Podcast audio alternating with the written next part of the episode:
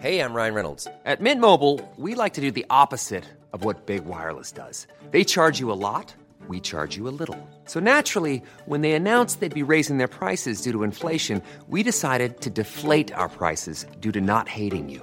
That's right. We're cutting the price of Mint Unlimited from $30 a month to just $15 a month. Give it a try at mintmobile.com slash switch. $45 upfront for three months plus taxes and fees. Promo rate for new customers for limited time. Unlimited more than 40 gigabytes per month. Slows. Full terms at mintmobile.com. There's never been a faster or easier way to start your weight loss journey than with PlushCare.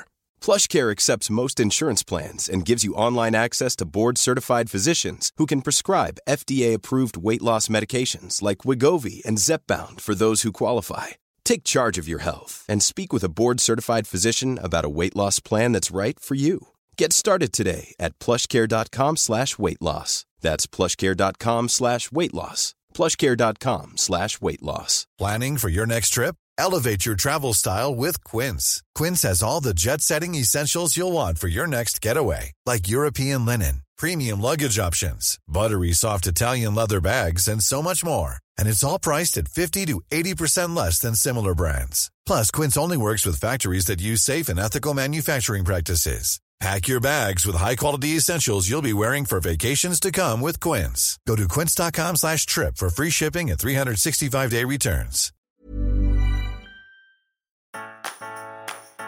Du lyssnar på Ridsportpodden, en ny podcast från tidningen Ridsport. I den här podden träffar vi ryttarna som du vill lära känna på djupet. Värd för programmet är hästsportsjournalisten Andrea Berlin. I detta nionde avsnittet av podden gör vi plats för att prata fälttävlan. Eftersom det är en gren som innehåller många olika typer av utmaningar och miljöer kräver det att vi har starka och uthålliga hästar. Jag har åkt för att hälsa på fälttävlansryttaren Anna Hassö. Vi ska prata om vad man ska tänka på när det gäller hållbarhet. Hur ska vi egentligen träna på olika underlag och hur bygger man upp hästens styrka och ger den återhämtning? Dessutom ska jag höra med Anna hur hon gång på gång klarar att ta sig tillbaka från både stora och små olyckor. Välkommen till podden Anna. Tack så mycket. Just nu är vi på din hästgård utanför Sjöbo i Skåne och eh, det är sommar och tävlingssäsongen är i full gång. Hur skulle du beskriva att eh, träningen och vardagen ser ut för dig och dina hästar just nu? Eh, jo, nu har vi ju gjort den första delen av tävlingssäsongen redan, så ju, nu eh, har jag lite olika mål för de olika hästarna och eh, tränar lite mer specifikt inför tävling. Eh, men vardagen eh, för mig ser ut som så att jag tränar mina egna hästar hemma på förmiddagen på lite eh, enklare dressyr och markarbetesjobb och sen så spenderar jag resten av dagen på mitt jobb som är mitt försäljningsstall i Blentarp. tar jag ganska ofta med mig en eller flera hästar förhoppning och annat, annan träning där. Den här tiden på året så det, det, det, växlar ganska mycket lite utifrån hur en tävling har gått och om man ändrar lite i tävlingsplanen på grund av den så man får vara ganska flexibel. Eftersom det första jobbet som vi har gjort under våren det, det har ju lagt grunden till att man har råd att vara lite flexibel kan man säga med hästarna. Mm. Det står ju mestadels fälttävlanshästar i ditt stall. Eh, och jag tänkte att vi skulle prata lite om vilka egenskaper de egentligen har och vad de behöver ha för att kunna gå eh, och tävla i fälttävlan. Mm. Eh, jag tror att den, den allra viktigaste egenskapen för en fälttävlanshäst är att den är sund och relativt modig individ. Den, måste, den behöver inte vara övermodig och halvgalen, utan den ska kunna bygga upp ett bra förtroende med sin ryttare. Att, den, att den, man tar sig an de utmaningar som finns. Om det är i terrängen kanske man tänker mest på det här med modet. Men, men eh, de ska också kunna klara av en utmaning och dels bli väldigt lydiga. Även om de inte har eh, dressyr som är så svår så är det ganska svårt för just den typen av häst som gör så mycket saker. Att den ska klara av och lita på sin ryttare och inte ta, alltså där får hon inte ta så mycket egna initiativ. Eh, och, och sen även vara så flexibel att den går att ändra tillbaka till hoppning. Så att det, det är många saker, vi måste ha en bra grundgalopp och en ganska lätt kropp för att tåla den träning vi måste göra. Men, och det, det ligger ju i sundheten där. Men att man, eh, jag tror inte man ska stirra sig blind på, på gångarter och givetvis måste de hoppa bra. Men det, att det är den här eh, sundheten som är genomgående tror jag är det allra viktigaste. Att de är starka och uthålliga framför allt. Mm. Sta- Uthålliga, träningsbara, de måste ha en hel del blod. Att man har lite full, rätt så stort fullblodsinslag på hästar som ska gå högre klasser. Där kan det skilja ganska mycket på de som man ska ha till, eh, ja, till en begränsad nivå, som juniorhästar till exempel. De kanske inte måste ha lite, lite samma inblandning där för att de behöver inte gå de längsta banorna. Men det är ju samma krav hela tiden på det här, som du säger, starka och, och för, liksom, ha förutsättningar att bli hållbara. Om man jämför med dressyr och hoppning, eh, är träningen egentligen tuffare för dem? Eh, så jag tror egentligen inte att träningen är tuffare därför att de eh, mår väldigt bra av att göra varierad träning. Det tar ett tag att bygga upp kroppen så att de tål att träna så. Men kroppen mår ju bra av att röra sig, både när det gäller oss och när det gäller hästarna. Så jag tror egentligen inte att träningen vi gör är så mycket tuffare. Men det är viktigt att man har, har koll på vad, man gör. Så att det inte blir från noll till ingenting helt plötsligt jättemycket träning. Jag tror att man belastar eh, hopp och dressyrhästar minst lika hårt. Men det blir lite mer intensiv, kort intensiv period. Så det är en annan typ av, av ansträngning.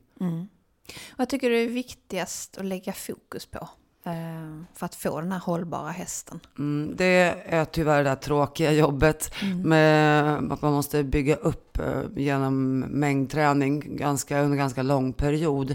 Att hästen blir så stark, både i muskulatur och i, i ligament och leder, att den tål farten och den, den typen av underlag som vi rider på. Och det krävs ganska många timmar på, egentligen på en grusväg eller liknande. Så det är, det är inte det absolut roligaste jobbet rent eh, så, vad man längtar efter. Men man måste kunna göra det, annars så går det inte. Nej. Eh, fälttävlan är ju en gren som består av väldigt många olika underlag. Eh, vad ska man egentligen tänka på i vardagen när man rider? Ehm, Jag tror att viktigast är att man rider på så många olika underlag som möjligt. Det tror jag gäller alla hästar. Man har väldigt lätt för att stanna på samma underlag med en typ av häst ofta. Det tror jag är det sämsta man kan göra. Sen kan man inte helt plötsligt bara ändra allting för en häst som är van att gå på ett speciellt underlag. Det tar, det tar några månader för en häst att vänja sig vid nytt underlag. Och det kan man ju också tänka extra på om man köper en ny häst eller flyttar en häst från ett ställe. Det kan nog räcka tror jag att de vägar man rider på är lite mjukare, de är vana vid det lite hårdare. Men de vänjer sig också efter ett tag. Så att man ska inte vara rädd för att, att byta och, och utöka den olika, de olika underlagen man rider på. Men att man gör det lite successivt. Mm. Rider du själv mycket ute i naturen eller hur ser det ut? Ja, skulle nog eh, minst hälften. Skulle jag säga. Vissa perioder kanske upp till 80 procent. Och var är det då? Vad är det för typ av underlag? Um, här där jag bor har jag mest grusväg och asfalt och så har jag lite gräsunderlag förutom en ridbana. Eh, där vi tränar de andra hästarna är det lite sandigare. Det finns mycket grusvägar där också men de är lite sandigare i sig. Så de, de lämnar mer hovmärken än vad mina vägar här gör. Um, sen har vi rätt mycket slingor där också i skogen som är sandiga och det finns även gräs som vi kan rida på. Um, det skiljer lite grann och där, brukar jag, där transporterar jag ju hästarna lite emellan också så att de får ta del av lite olika. Är det något speciellt underlag som du föredrar? Ja, skulle nog egentligen vilja säga gräs. Det det. Om jag kan, ja, nu, det är inte så ofta man kommer åt gräs som är tillräckligt bra liksom botten i så det inte är för mjukt eller att, det blir halt på grund av gräset om man inte har broddar. Men just att rida och galoppera, vanlig, vanlig nu tänker jag inte bara ren galoppträning utan vanlig ridning, så tycker jag hästarna trivs väldigt bra på gräs. Det är lite svikt i marken liksom som, de, som är naturlig. Hur tycker du då man kan känna på gräset? Om det är bra eller dåligt? Jag tycker nog man kan känna ganska bra på hur hästarna rör sig direkt. Ja. Om de tycker om att röra sig på det och tar ut steget och inte går och håller emot lite. För det kan de göra när det blir lite halt eller så. Ja. Eh, sen får man ju lära känna den marken där man bor lite grann. Om det är lite åt det mjuka hållet när det har regnat. Här där jag är, är det fördel om det har regnat. För det här blir lite åt det hårda hållet. Okej. Då, då kan jag gärna kantra i kanten på grusvägen. För då blir det precis lagom mjukt där. Just lite utanför där bilarna kör om man säger. Så man får känna efter lite. Beroende på var man finns eller var man bor. Ja. Om du skulle ge exempel på eh, när du tränar dina hästar och du varierar en, en vecka på olika underlag, hur, hur ser den ut? Mm. Ehm, lite beroende på om de har tävlat givetvis så lägger jag upp det lite olika. Men jag tror att jag har en, ehm, en grundplan som är varannan dagsprincipen. Den kör jag ganska hårt på. Att man, har jag trimmat på banan ena dagen så rider jag ut andra dagen. Och det behöver inte bara vara skritt och trav på en grusväg. Det kan vara lite med en yngre häst kanske att jag är ute och rider lite mellan stigar i skogen så de får bli lite smarta och se sig för. Eller att jag eh, har lagt upp en, en träningsplan för den dagen. Men, och så att jag kanske också byter. Jag kan vara, ibland är jag hos en granne och rider på en annan ridbana. Så att det, det är helt annat underlag. Så att, eh, är nog att, att, vi, att man växlar hela tiden. Hur många underlag blir det på en vecka? Ja, det blir nog sju. Det blir det? Ja, det är nog ganska sällan jag är på samma ställe två gånger. Det kan, kan ju hända att... ehm, men om vi, ska, om vi ska rida på ridbanan så blir det ofta att vi gör det kanske en gång hemma och en gång hos någon annan. Av olika anledningar, för det kanske är miljöträning också på schemat. Och då hamnar man hos någon av grannarna. Vi är ju rätt så bortskämda just där vi har verksamheten, att det är många stallar nära på ridavstånd. Så vi ser ju till att vara på, på många olika ställen. Ja. Eh, vilka effekter tycker du de olika underlagen har på eh, hästens kropp? Eh, dels tycker jag att det skiljer ganska mycket från häst till häst. En del är ju, blir ganska mycket sämre av stumt underlag och andra kanske tar i lite för mycket om det är mjukt. Eh, så man, dels får man lära känna sin häst så att den, man vet hur den har reagerat och om man har ridit på det underlag som den har svårt med eller tycker är jobbigt. Att man kanske inte gör det för många dagar i rad. Eh, man får känna på muskulaturen så den inte blir för styv och hård och de går och håller emot för då, då får de lite ont. Och så behöver musklerna återhämta sig. Eller så får man känna lite på benen. Det gör man ju givetvis alltid. Men om man ser reaktioner, så man behöver inte få panik för att de får en reaktion. Men då, man måste notera. Att nu, har det här, nu blev det så här. Då kanske jag måste göra någonting annat. Och sen nästa gång jag är på det underlaget så får jag göra så här. Kanske ändra på tempot lite eller på ridpassets längd. Eller. Sen behöver man kanske öva lite på att rida på det underlaget. För det kan ju vara så att man behöver träna på just det underlaget också. Vad tycker du generellt är för eh, eh, hårt och för löst underlag? Vad får man för effekter där, tycker du? Mm, jag tror väl att hårt kan de bli lite stumma av. Lite ben, kä- känna lite i benhinnorna och ryggen kanske. Så de går och håller, håller i sig lite. Och på mjukt så är det ju egentligen kanske kotor och senor och, och även framknän. Som, där, där belastningen blir, blir hård. Så att det blir, de blir lite an, överansträngda kanske. Eh, men jag tror det, det viktigaste är att man anpassar det jobbet man gör. Man ska inte vara rädd för olika underlag, men att man kanske anpassar tempot och ja, intensiteten på, på jobbet. Så att de, men man, man får lära sig hur varje häst reagerar. Det, det tror jag är det allra viktigaste att känna efter. När du har varit ute och ridit på en tuff terrängbana till exempel och kommer hem och känner av på hästens ben hur den ser ut. Eh, vad är normalt och vad är inte normalt egentligen? Det varierar också rätt mycket på hästar. En del blir klarare i benen efter ett hårt jobb. Det är precis som att du nästan rensar. Du trycker bort lite slagg, slaggprodukter och så att de kan se fantastiska ut eh, dagen efter. Sen kan man känna lite längre upp kanske på det benet att det är lite hårt. eh, att de har dragit ihop eh, både muskler och att det har, att, av ansträngningen. Så man måste lära sig känna, kanske inte bara nere vid kotan, eh, hur den ser ut, utan man, man, man känner lite längre upp på benen och även på överlinjen och känna hur de känns. Men jag tror att de, vad som man oftast ser är kanske att de blir lite kortare i gången om de har tagit ut sig lite. Att de är lite styva kanske. Så viktigt att de skrittar och rör lite på sig. Men att de inte gör något direkt hårt arbete direkt efter. Eh, Att de är trötta tycker jag sällan att man ser. Jag kan ofta tycka att de ser väldigt pigga ut. Om de har en bra kondition så tycker jag inte att de känns så trötta. Men kroppen, där man kan se det på lite olika, olika sätt. Och en, en och annan häst kan bli gallig av arbete. Men jag tycker det är mer, mer vanligt att de blir det av att stå stilla. Och vad gör du då dagen efter när den har haft ett tufft jobb? Mina hästar vilar alltid, men det har också med att göra att de har stora hagar och går tillsammans, så de rör sig alltid. Och jag har lite yngre hästar blandat med eh, de äldre, så de, det, det är mycket rörelse i hagen.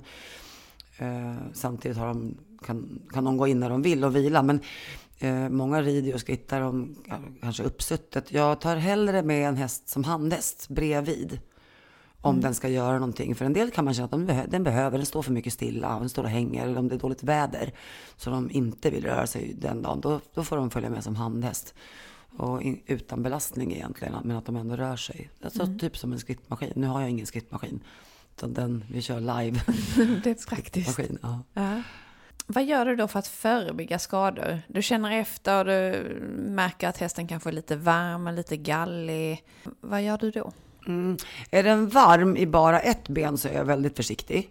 Då har den ju gjort någonting eh, akut. Antingen kan den ha sparkat sig lite eller trampat lite snett eller då är jag väldigt försiktig. Eh, Då gör jag antingen ingenting eller skrittar lite och ser om det blir bättre eller sämre och avvaktar lite helt enkelt.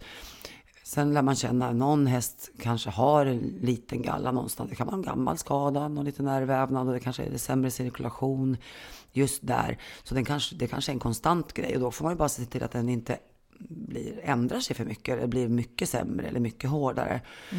Men eh, ut, ut, om man utgår från normalfallet, att, det, att så här brukar det se ut, så bara egentligen min regel brukar vara att blir det inte sämre av arbete om man sätter igång lite försiktigt, då, då, då har jag ju inte förvärrat någonting utan då, då kanske det är så som hästen ser ut. Men är det något som har uppstått till, tillfälligt eller akut, då, då får man vara försiktig, då måste man backa lite.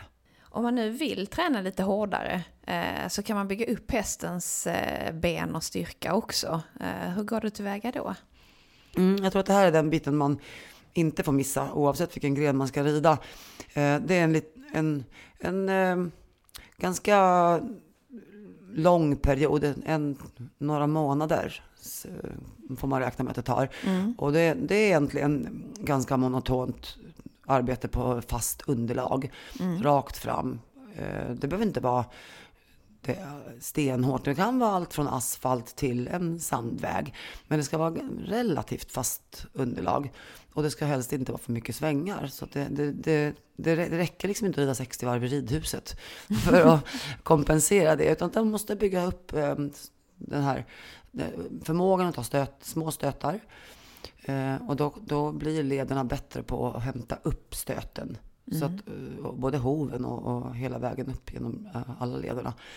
Och då kan man göra hästen tåligare för det konditions och styrkearbete man vill göra senare. Som är mer hoppning och galopp och, och olika typer av landningar och så. Så att den, den här biten i olika mängd beroende på ålder kanske. Men den är viktig på alla hästar. Så det, det, är vintern och vårens jobb helt enkelt som gör att de tål att man belastar dem sen. Så du vågar ta dig ut på asfalt ibland? Och, eh, Ja, här, vi har en, jag har en normal runda som, som innefattar kanske, det kanske är 25 procent asfalt. Skrittar oftast på den, men jag travar även på den. hur gör du i övrigt för att förebygga skador? Vad har du för teknik? Mm. Eh, jag krånglar inte så jättemycket, utan jag har dels varierat schema, tror jag, det, som jag sa innan. Eh, jag kyler alltid benen efter hårdare arbeten som galopparbete och hopp, hoppning. Jag kyler även efter en vanlig hoppträning. eh, vanliga eh, enkla kylda masker som man lägger i vatten som går att återanvända. Så det är inte så krångligt. tar bara en minut att sätta på. Eh, för att undvika små, små eh, små, små blödningar eller som kan uppstå om man skulle ha trampat lite snett eller så. Jag tror att det är en väldigt enkel Eh, sen kan man kyla lite mer intensivt om man har gjort en riktigt stor ansträngning. Då kanske man använder lite grann is och så. Man ska vara lite försiktig med det också för det kan få ha negativa, man kan bränna lite om man har för mycket is. Mm. Men uh, riktigt kallt vatten är ju, det räcker långt. Mm. Och sen givetvis den dagliga kollen. Att man inte chansar och rider på något som är, man har någon liten grej på gång. Och jag menar inte då att man blir hysterisk över ett litet sår som sitter någonstans där det inte mm. egentligen spelar någon roll. Det, det, tror jag inte. Även om det skulle ha svullnat lite runt ett sår. Så ser man bara till att, de inte, att det är rent och att de inte kan sparka sig på det. Kanske man lindar just då. Mm. Eller något sånt. Men, men eh, andra, man led grejer runt lederna eller reaktioner. Så att man är lite försiktigare och, mm. och känner av att det lägger sig. Mm. Vilka fel tror du man oftast gör som ryttare? eh, när man får en skada? Um, jag, tror att, jag tror att den här variationen mm. uh, saknas ganska ofta. Det är lätt att hitta ursäkter för att slippa rida ut i dåligt väder. Eller, eller man kanske till och med tycker att nej, det är halt. Och då tycker jag man kan brodda hästen och rida ändå. Uh, sen kan man ju bo tokigt så är det mycket trafik och såna här grejer som gör det svårare. Men man, jag tror att man måste uh, få bort de ursäkterna och, och, och, och ta sig helt enkelt den, liksom, ta tag i att man måste göra det.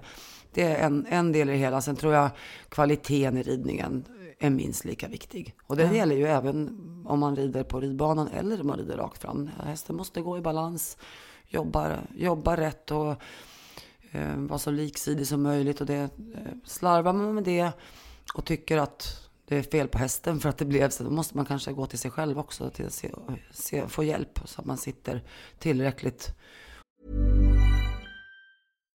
If you're looking for plump lips that last, you need to know about Juvederm lip fillers. With Juvederm Volbella XC and Juvederm Ultra XC, your lip look, whether it's subtle or bold, can last up to one full year with optimal treatment and no additional maintenance. Find a licensed specialist and see if it's right for you at Juvederm.com today. That's J U V E D E R M.com. Add fullness to lips in adults over 21 with Juvederm Volbella XC or Juvederm Ultra XC. Do not use if you have severe allergies or a history of severe allergic reactions, or if you're allergic to lidocaine or the proteins used in Juvederm. Tell your doctor if you have a history of scarring or taking medicines that decrease the body's immune response or that can prolong bleeding. Common side effects include injection site redness, swelling, pain, tenderness, firmness, lumps, bumps, bruising, discoloration, or itching. As with all fillers, there's a rare risk of unintentional injection into a blood vessel, which can cause vision abnormalities, blindness, stroke, temporary scabs, or scarring. For full important safety information, visit juvederm.com. Hiring for your small business? If you're not looking for professionals on LinkedIn, you're looking in the wrong place. That's like looking for your car keys in a fish tank. LinkedIn helps you hire professionals you can't find anywhere else, even those who aren't actively searching for a new job but might be open to the perfect role. In a given month, over 70% of LinkedIn users don't even visit other leading job sites. So start looking in the right place. With LinkedIn, you can hire professionals like a professional. Post your free job on linkedin.com slash people today. Planning for your next trip? Elevate your travel style with Quince. Quince has all the jet-setting essentials you'll want for your next getaway. Like European linen, premium luggage options, buttery soft Italian leather bags, and so much more. And is all priced at 50 to 80% less than similar brands. Plus, Quince only works with factories that use safe and ethical manufacturing practices. Pack your bags with high-quality essentials you'll be wearing for vacations to come with Quince. Go to quince.com/pack for free shipping and 365-day returns. Hey, it's Ryan Reynolds and I'm here with Keith, co-star of my upcoming film If, only in theaters May 17th. Do you want to tell people the big news? All right, I'll do it. Sign up now and you'll get unlimited for $15 a month in six months of Paramount Plus Essential Plan on us. Mintmobile.com slash switch. Upfront payment of $45 equivalent to $15 per month. Unlimited over 40 gigabytes per month. Face lower speeds. Videos at 480p. Active Mint customers by 531.24 get six months of Paramount Plus Essential Plan. Auto renews after six months. Offer ends May 31st, 2024. Separate Paramount Plus registration required. Terms and conditions apply if rated PG. Millions of people have lost weight with personalized plans from Noom, like Evan, who can't stand salads and still lost 50 pounds. Salads, generally, for most people, are the easy button, right? For me, that wasn't an option. I never really was a salad guy. That's just not who I am. But Noom worked for me. Get your personalized plan today at Noom.com. Real Noom user compensated to provide their story. In four weeks, the typical Noom user can expect to lose one to two pounds per week. Individual results may vary. Och inverkar tillräckligt bra. Mm. Tror du underlaget har stor betydelse där också i, i den vardagliga träningen? Mm. Jag tror att i den här variationen som jag nämner så, så ingår underlaget. Det går, jag tror inte det går att träna på bara samma underlag hela tiden. Oavsett vilken gren man ska göra. Det blir för, för monotont eh, arbete för, för hästen helt enkelt. Den måste... Eh, det, det, mm, det straffar sig i längden. Mm. Hur tänker du själv när det gäller eh, säkerhet i fälttävlan? Ehm, jag tror att man jobbar mycket med säkerhet och när det gäller utrustning har man ju kommit en bit på väg. Det blir ju lite bättre hela tiden. Det finns lite bättre utrustning. Eh, där får man ju se själv vad man, vad man eh, vad som passar en helt enkelt och vad man trivs med. Jag tror att banbyggnad har stor betydelse. Eh, man jobbar mycket med det också. Lite med ridbara hinder och det tror jag är en del i det hela. Kanske inte hela lösningen. Därför att eh, trots allt tror jag i slutänden att ridningen är det viktigaste. Eh, man har ändrat banorna, de är mer tekniska. Ryttarna måste klara av det. Hästarna måste vara en typ som klarar av det.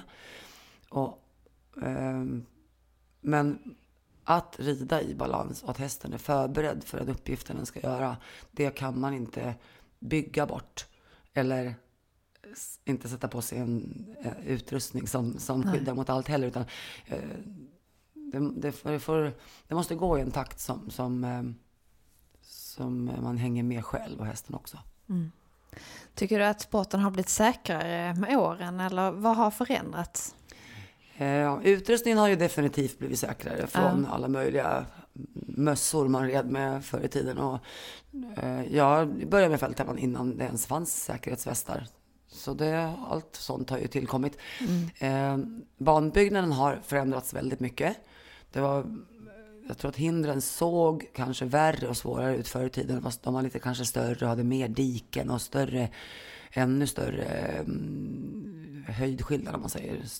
höga nerhopp och så. Mm. Eh, jag tror inte de var svårare egentligen för hästarna än vad det är nu. Jag tror att det är ganska mycket svårare nu tekniskt sett för att hästarna måste ha snabb uppfattningsförmåga och reaktionsförmåga.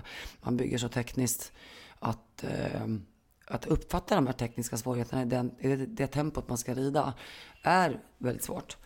Så jag är inte helt säker på att trots att man, man upplever att det är mer olyckor så är jag inte så säker på att eh, säkerheten har blivit bättre egentligen. Utan eh, man eh, lurar sig nog lite. Dels på att det, man eh, genom media får reda på alla olyckor mycket snabbare. Mm. Så att, jag tror inte det kanske skiljer så mycket som man tror. Men jag tror att det säkerhetsarbete man gör eh, kanske inte alltid är säkrare. Man tror det. Men det, det skapar andra svårigheter för hästarna och, och ekipagen att klara av. För man kräver fortfarande samma tempo fast på mycket mer tekniska hinder. Hur funkar det här med tempot? Du berättade för mig innan att eh, man kan rida med olika tekniker och sådär. Ja, du, du menar för att klara tiden och ja. sådär. Eh, ja, man, dels så höjs ju tempot lite grann för varje klass som man rider. Så mm. det, det, krävs ju att man kan rida i ett, i ett högre tempo.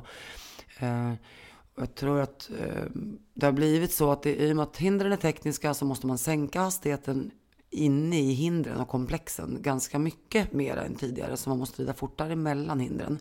Det här mm. skapar ju också större risk för mjölksyra och, ehm, och därmed större skaderisk eller olycksrisk när hästarna blir trötta.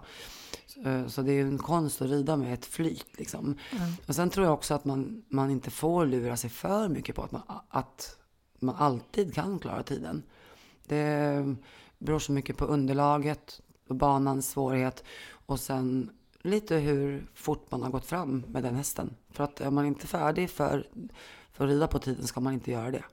Det är en eh, extremt farlig sport det här. Ehm, påminner du dig själv om det ibland? Eh, nej, det ligger nog inte för mig kanske att tänka på det. Man är medveten om alla, alla risker som finns, men jag tror att det är liksom, har man tagit det beslutet eller tycker det är kul att hålla på med, med fälttävlan, så går man inte och tänker på det. Nej. Eh, För att då, det, det är inte... Och jag brukar säga om jag skulle stå på startlinjen eller i startfållan och känna eh, att det var någon risk med det jag gjorde, då, då, då sitter jag på fel häst eller gör fel sak. För att det, då tror jag inte man kan rida bra. Nej.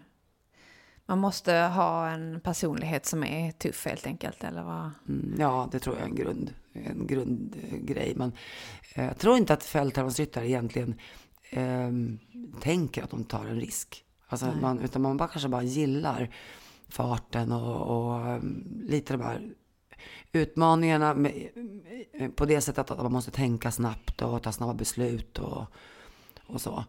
Jag tror inte att eh, man, man ser det som en risk. Nej. Säkerheten överlag blir ju väldigt mycket hårdare eh, och vi är ju försiktiga med många grejer i sporten. Eh, numera får man inte ens visa en häst vid besiktning utan ridhjälm. Eh, men eh, fälttävlan får man rida och hoppa ut över eh, trappor och stup och tuffa grejer. Eh, varför får man göra det egentligen, tror du? Ja, jag hoppas allas rätt att göra det de vill fortfarande gäller. Sen är det, blir ju kanske ramarna lite snävare, att det är lite mer inom ramen för en typ av säkerhet som man, som man vill ha. Eh, jag tror inte det går att forma människor till att gå på en väldigt smal linje. Då hade, då hade ju inte världen sett ut som det, som det gör. Vissa människor gillar att köra fort i bilen och gör det på, på tävling. Och då är ju det okej. Sen kanske man inte får köra hur fort man vill på vägen. Utan man måste anpassa sig. Men jag tror, jag, jag, jag, jag tycker det är naturligt att folk är olika och, och vill göra olika saker. Så att jag, jag tror och hoppas att det, och det, att det liksom både uppskattas eh, även av andra. Jag tror att folk blir lite inspirerade och, och peppade också av att det finns eh, den typen av människor och den, typ, den, den typen av sport. Även om man inte vill göra det själv. Tror du reglementet hänger med där i, i de tankarna? Eller? Ja, det, det, tror, det gör det ju i stor, till, i stor del. Det, det hänger ju lite på vilka som sitter och, och styr reglerna. Ehm, det får ju inte bli, det får inte bli så snävt så att man tar bort en liten, liten eh, variation måste det ju finnas i, i, alltså att folk får ta ansvar för det de gör. Man kan inte styra upp så att Ehm, är det så snävt så att ta bort allas initiativförmåga, då, då, då tror jag det är en risk i sig. Då blir man låst. Då vågar man inte riktigt eh, slappna av. Om, eh, för att regler är väl bra till en viss gräns, men det får, jag tror inte det får bli så att man känner att om minsta lilla fel snedsteg jag gör här så är jag utanför regeln. Då blir man, då blir man, då rider man och, eller eh, presterar man inte tillräckligt bra. Så det måste finnas lite, lite så. Eh, Det är ju, jag tror att det är upp till eh, ens eget ansvar också. Ta, ta ansvar för det man gör. Vad tror du om framtiden för fälttävlan? Vi pratade lite om OS-grenar och sådana här grejer Mm. innan.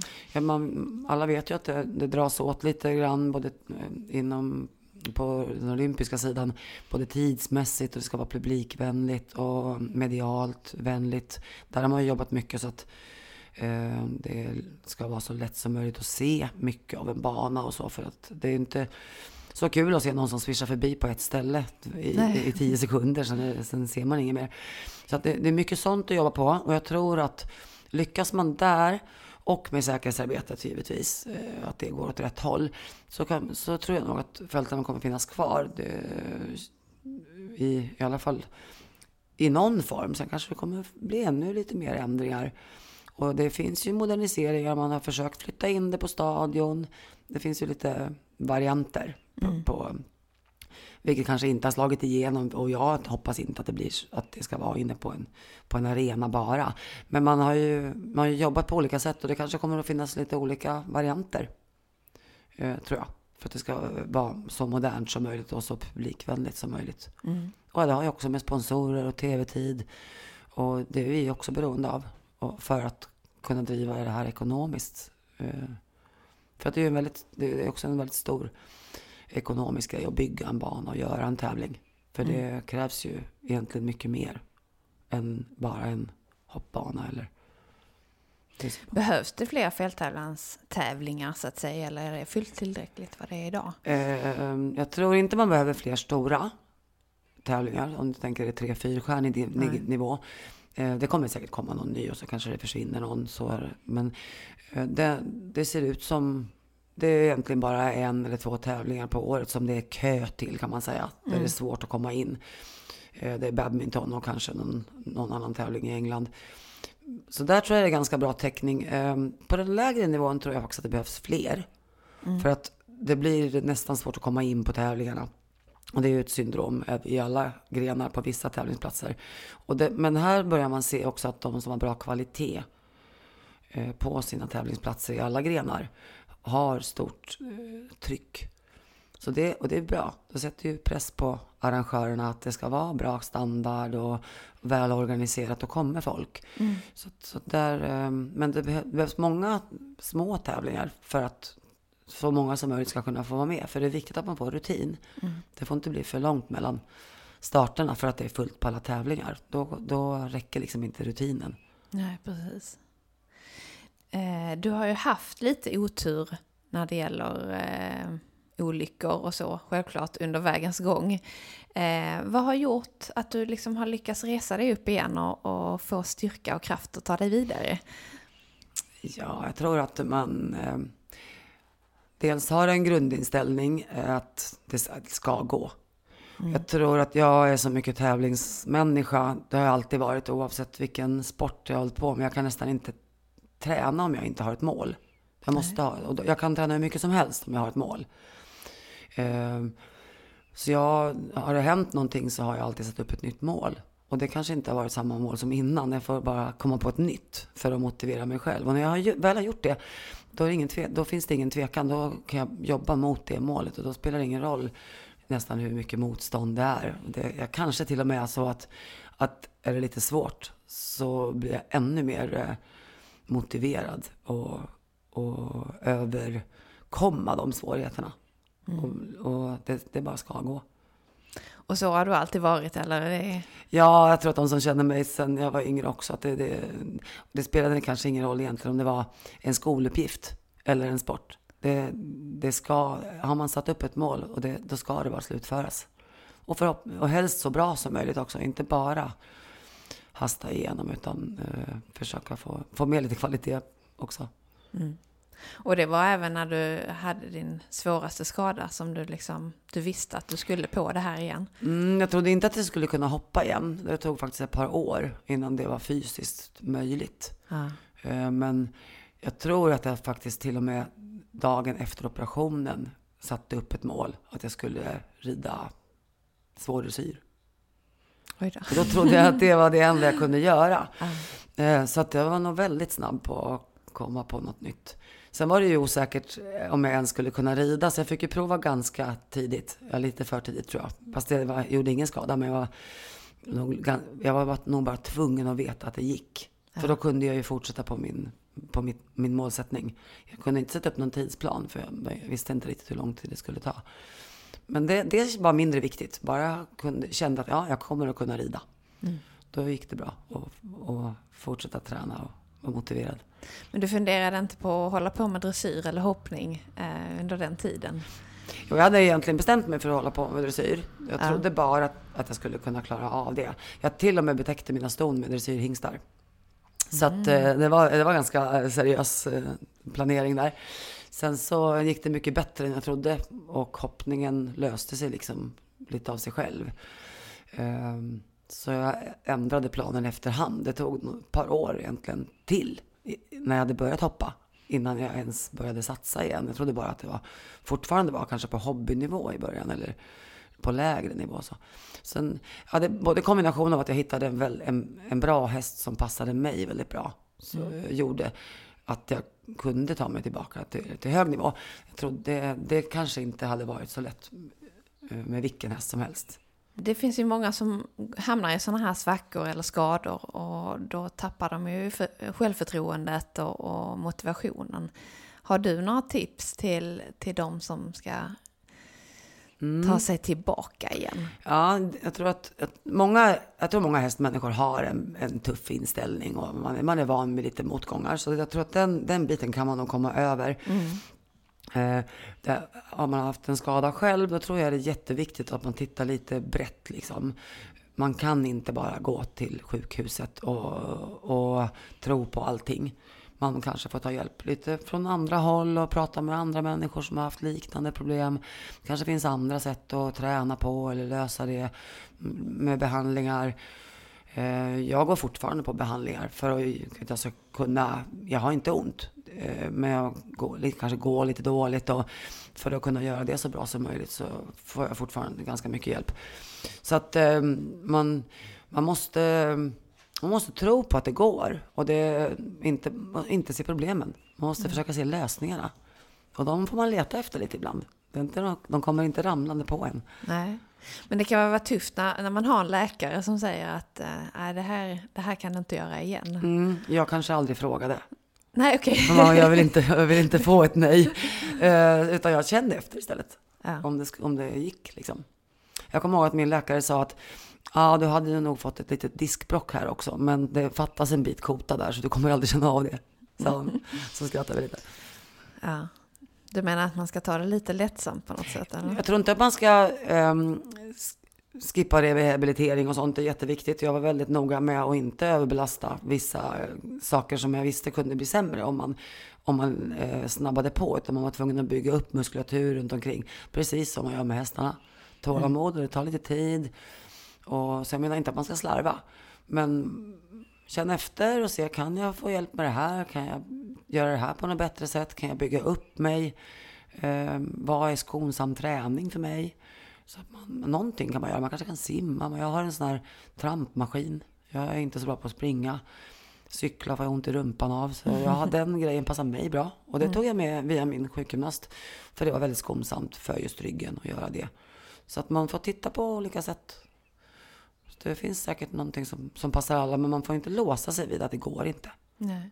Har du fått eh, mer kunskap om egentligen hur, hur kroppen fungerar och kunna föra över den kunskapen till hästarna också och veta hur de fungerar när du mm. tränar dem? Kanske lite från man har varit skadad också, för man, framförallt kanske man kände hur extremt lång tid det tog att bygga upp någonting mm. som hade varit, så, varit helt avställt om man säger. Mm. Uh, jag fick ju dels lära mig gå från början. Jag kunde inte, det fanns inte kvar i ryggmärgen. Så jag fick ju lära mig gå liksom ett steg i taget. Det är ju, det är ju extremt. De ja. flesta får ju inte en sån skada. Men eh, just det här att musklerna har ingen styrka alls. Har man en häst som har varit långtidsskadad ta, får man ta väldigt lång tid på sig. Det går inte att snabba på. Nej. Och man kan inte överträna heller. För då är det något annat som får stryk. Då tar kanske skelettet stryk istället. Så att eh, där tror jag, det var inget jag inte visste, men man fick känna på det lite grann. Så det, det tror jag man får med sig. Sen har jag ganska lång bakgrund av andra idrotter innan och jag vet hur kroppen känns efter en hård belastning. Så att, att den behöver återhämtning. Det har vi glömt nämna också för jag tycker återhämtning är lite underskattat ja. i träningsprogrammet. Man måste komma ihåg att efter större, större ansträngningar så, så kan man inte bara köra på och träna som vanligt. Så det, och det lär man sig om man, om man har varit skadad själv också. Att det, mm. det tar hårt på kroppen med, med nytt arbete. Ja. Just nu är det ju mitt i säsongen och eh, nästa vecka så rider du i Falsterbo. Ja, jag tror jag ska rida en häst i, i Hantingen bara. Och det, mm. det är mer en showklass, men, eh, men eh, det ser vi alltid fram emot att göra. Innan det har vi en eh, har vi haft någon lite större hopptävling och så har jag en häst som som håller på och kvalar för eh, förhoppningsvis kunna vara med på Ungest VM i höst. Mm. Så han är lite mm, mitt i säsongen och gör sina, sina tävlingar och, och kval. Spännande. Mm. Jag tackar jättemycket för att eh, vi har fått en lärorik pratstund här idag. Eh, och eh, hoppas på att se dig i eh, Falsterbo nästa vecka. Ja, det ska bli jätteroligt. Hoppas det har varit kul. Tack så mycket Anna. Tack själv. Ridsportspodden är tillbaka igen redan om två veckor. Då har vi varit på Falsterbo Horse Show och träffat nya intressanta ryttare. Jag hoppas att ni är med och lyssnar då igen. Tills dess önskar vi en riktigt skön sommar. Vi vill jättegärna veta vem du vill att vi ska träffa nästa gång och vad vi ska prata om. Maila till oss på podden snabel tidningenridsport.se Programmet producerades av Lavaletto.